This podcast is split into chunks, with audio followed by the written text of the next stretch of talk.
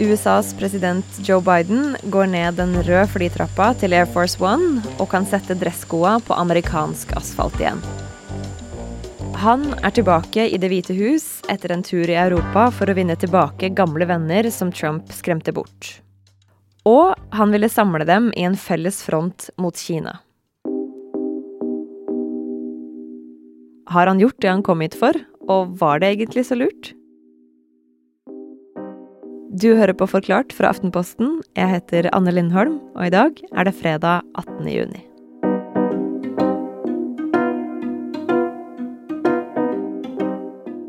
Noe av det Joe Biden har snakket aller mest om i utenrikspolitikken de siste årene, både før og etter han ble valgt, det er at demokratiene i verden må samle seg i møte med mer autoritære krefter. Kristoffer Rønneberg er en av journalistene som har fulgt godt med på Joe Bidens sjarmturné i Europa. Og Argumentet hans det er at autoritære land som Kina de får stadig større innflytelse rundt om i verden. Og det kan til slutt true vårt levesett her i, her i Vesten. Og Derfor så mener Biden at frie og demokratiske land de må danne en felles front for å verne om de tingene som vi tror på, som eh, frihet og likhet og menneskerettigheter. Og den sjarmturneen, den begynte i Storbritannia. Torsdag i forrige uke begynte Biden sin første store utenlandstur. Da startet han i Storbritannia og møtte en som eh, han har hatt et ganske godt forhold til, nemlig den britiske statsministeren Boris Johnson. China, to I don't think anybody around the table today wants to descend into a new Cold War with China. Og på fredagen så tar han på seg pilotsolbrillene igjen og farter videre til en hel haug med statsledere på en gang i G7-toppmøtet for sju av de rikeste demokratiske industrilandene. Og hva oppnådde Biden der? Han oppnådde egentlig mer enn hva noen hadde sett for seg på forhånd. Eh, dette var første gang de møttes fysisk siden pandemien brøt ut. Og disse landene de hadde mye å snakke om på denne stranden i Sør-England der, der, de møtte hverandre. Hovedpoenget nå det er å gjøre avstanden mellom demokratiene så liten som, som mulig. Og Derfor så bekrefter de nå at de skal samarbeide om ting som å bekjempe klimaendringer og, og pandemien. Og Det som kanskje var det mest overraskende etter dette møtet, det var at G7-landene nå er enige om å utpeke Kina som en så tydelig hovedmotstander. Tidligere så har det vært ganske stor avstand mellom EU og USA når det gjelder Kina. USA de har hatt lyst til å konfrontere, EU har vært litt mer forsiktige. Men etter G7-møtet nå så var landene tilsynelatende veldig enige om å danne en mer felles front for å presse Kina på spesielt fire punkter. Ok, så Biden fikk det litt som han vil. De, en felles front mot Kina på hvilke fire punkter? Jo, De vil ha en ny granskning for å finne ut av hvor dette koronaviruset kommer fra, og det er jo noe Kina er ekstremt sterkt imot at man skal ha. Dessuten så vil de presse kineserne for å sikre at vestlige selskaper får den samme tilgangen til de kinesiske markedene som kinesiske selskaper får til våre. Og G7-landene er også opptatt av opprustningen som skjer i havområdene utenfor Kina, spesielt rundt Taiwan. Og punkt nummer fire, Kina blir kritisert for de veldig alvorlige menneskerettighetsbruddene som pågår i, i Kina, spesielt i Xinjiang-regionen og i, i Hongkong. Menneskerettighetsbrudd som internering av den muslimske minoriteten uigurer. Let's talk about the Uyghurs. They're an ethnic minority in China who say they're victims of horrific crimes. The Uyghurs are facing genocide because of our religion and our ethnicity. Her er over én million mennesker fanget i interneringsleire, ifølge forskere. Her er folk overvåket med strekkoder på dørene sine. Og her bor folk i verdens største åpne fengsel, et slags gigantisk digitalt gulag og den nye sikkerhetsloven, som bl.a. i praksis gjør demonstrasjoner ulovlig i Hongkong. I dag trer en ny sikkerhetslov i Hongkong i kraft. Loven forbyr bl.a. det Kina kaller løsrivelsesbevegelser, statsfiendtlig virksomhet, terrorisme og samarbeid med fremmede makter. Men å bli enig med de andre G7-landene om at Kina er en motstander, det var ikke det eneste Biden gjorde. Og søndag så svingte han innom dronninga i Storbritannia. Og mandag var det nytt møte med forsvarsalliansen Nato.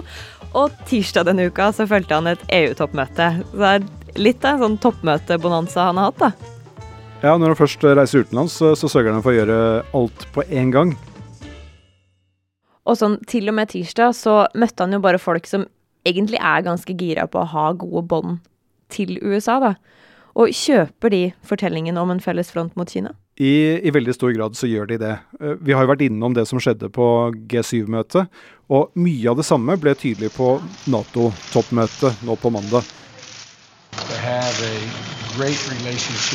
For første gang så var Kina hovedtemaet på dette møtet. Og Jens Stoltenberg, som jo er generalsekretær i, i, Nato, han gikk ut på forhånd her i Aftenposten med en kraftig kritikk av Kina. Med ord som vi ikke er vant til å høre fra en Nato-sjef. All leaders agreed uh, that in an age of global competition, Europe and North America must stand strong together in NATO to defend our values and our interests, especially at a time when authoritarian regimes like Russia and China challenge the rules-based international order. Han, han sier bl.a. at Kina har en væremåte overfor andre land som er uakseptabel. Og dette ser ut til å være en holdning som nå deles av et samlet Nato, selv om det er land som eh, har nølt litt i forkant, spesielt Frankrike. Men eh, etter dette møtet på mandag så laget de et eh, sluttdokument. Og i det dokumentet der blir Kina stemplet som en såkalt systemisk utfordring. Og Hovedpoenget her det er at Nato nå mener at Kina utgjør en fare for den verdensordenen som vi har i dag. Og det er jo ganske sterkt. Ehm, jeg tror det viktigste vi kan ta med oss fra disse toppmøtene, altså både G7 og Nato, det er at Biden i veldig stor grad har klart å få med seg de andre store demokratiene i Vesten på å håndtere Kina på en mye mer kritisk måte enn før. Men gjør Europas ledere egentlig bare som USA sier her, eller er det noen egen vits i denne fellesfronten for europeiske ledere? De europeiske landene skal jo selvfølgelig i første rekke tenke på hva som er i europeernes interesse. Og lenge så har de hatt en veldig annen tilnærming til Kina enn hva USA har hatt. Så sent som i desember så var EU-landene klare til å signere en enorm investeringsavtale med Kina. Og Spesielt for Tyskland og Frankrike så har det vært et poeng å beholde et eh, godt forhold til Kina. Ikke minst for å ivareta landenes egne økonomiske interesser. Tyskland f.eks. har store bilfabrikker i Kina. Men eh, de siste månedene så har vi sett en klar endring i politikken, også fra Macron i Frankrike og Merkel i Tyskland. Og det tror jeg skyldes delvis at USA ønsker en felles front, men det er nok en mye større faktor at EU-landene selv begynner å erkjenne at fremveksten av et stort og autoritært Kina også kan utgjøre en fare for deres egne interesser. Så langt så har det altså gått som Biden hadde håpa på. Men på onsdag så var det på tide å møte en av dem som ikke nødvendigvis var så glad for å se han.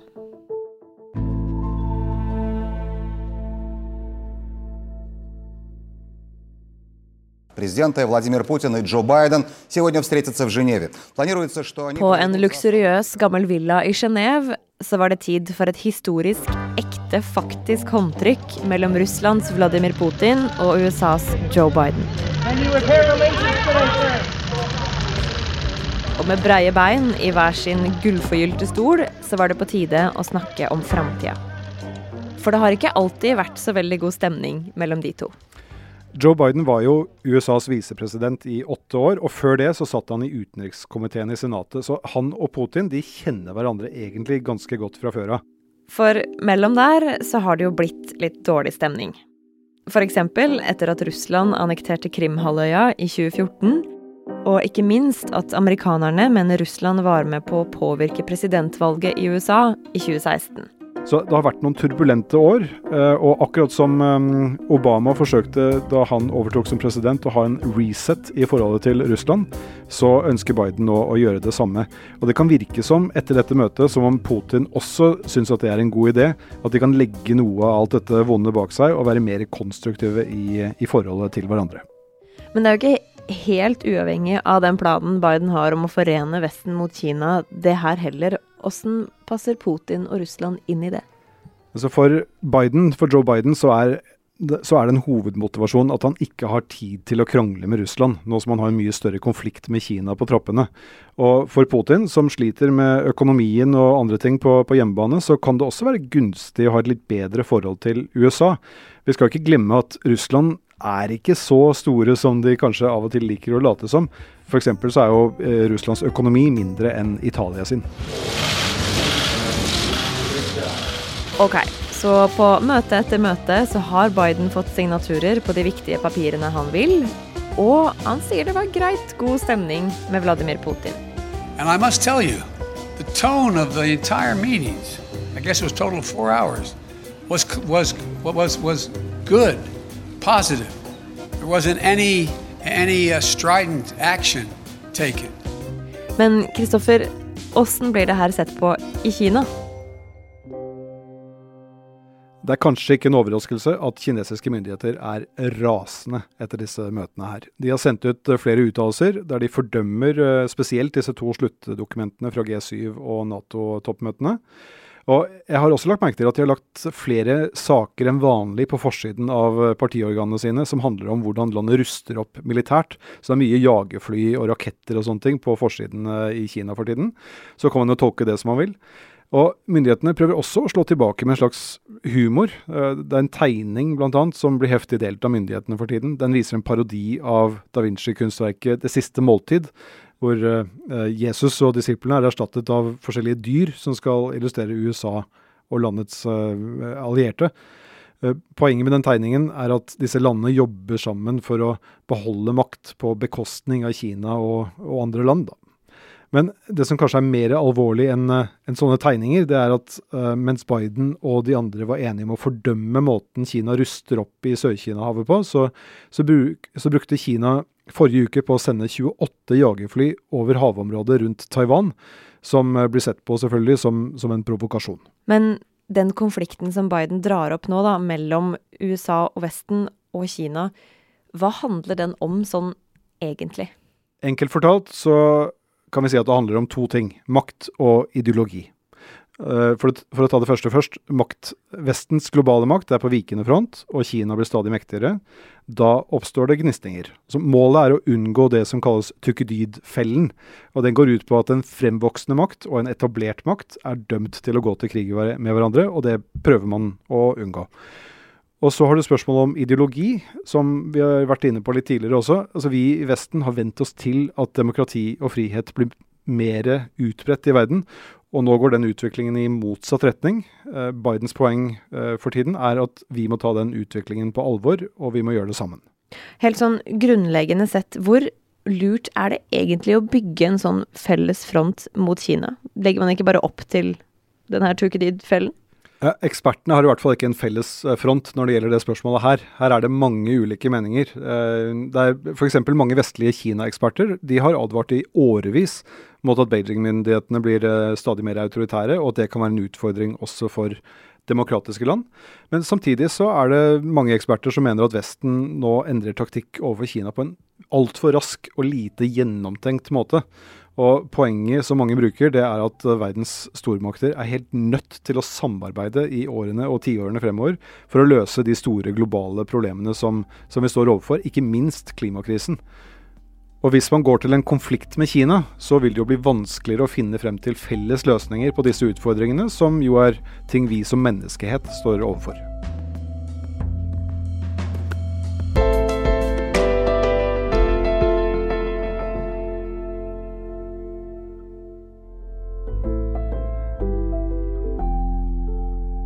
Denne episoden her er lagd av produsent Fride Næss Nonstad og av meg, Anne Lindholm. Resten av Forklart er Guri Leiel Skedsmo, Marit Eriksdatter Gjelland og Ina Swann. Du hørte lyd fra NRK, nyhetsbyrået AP og Al Jazeera.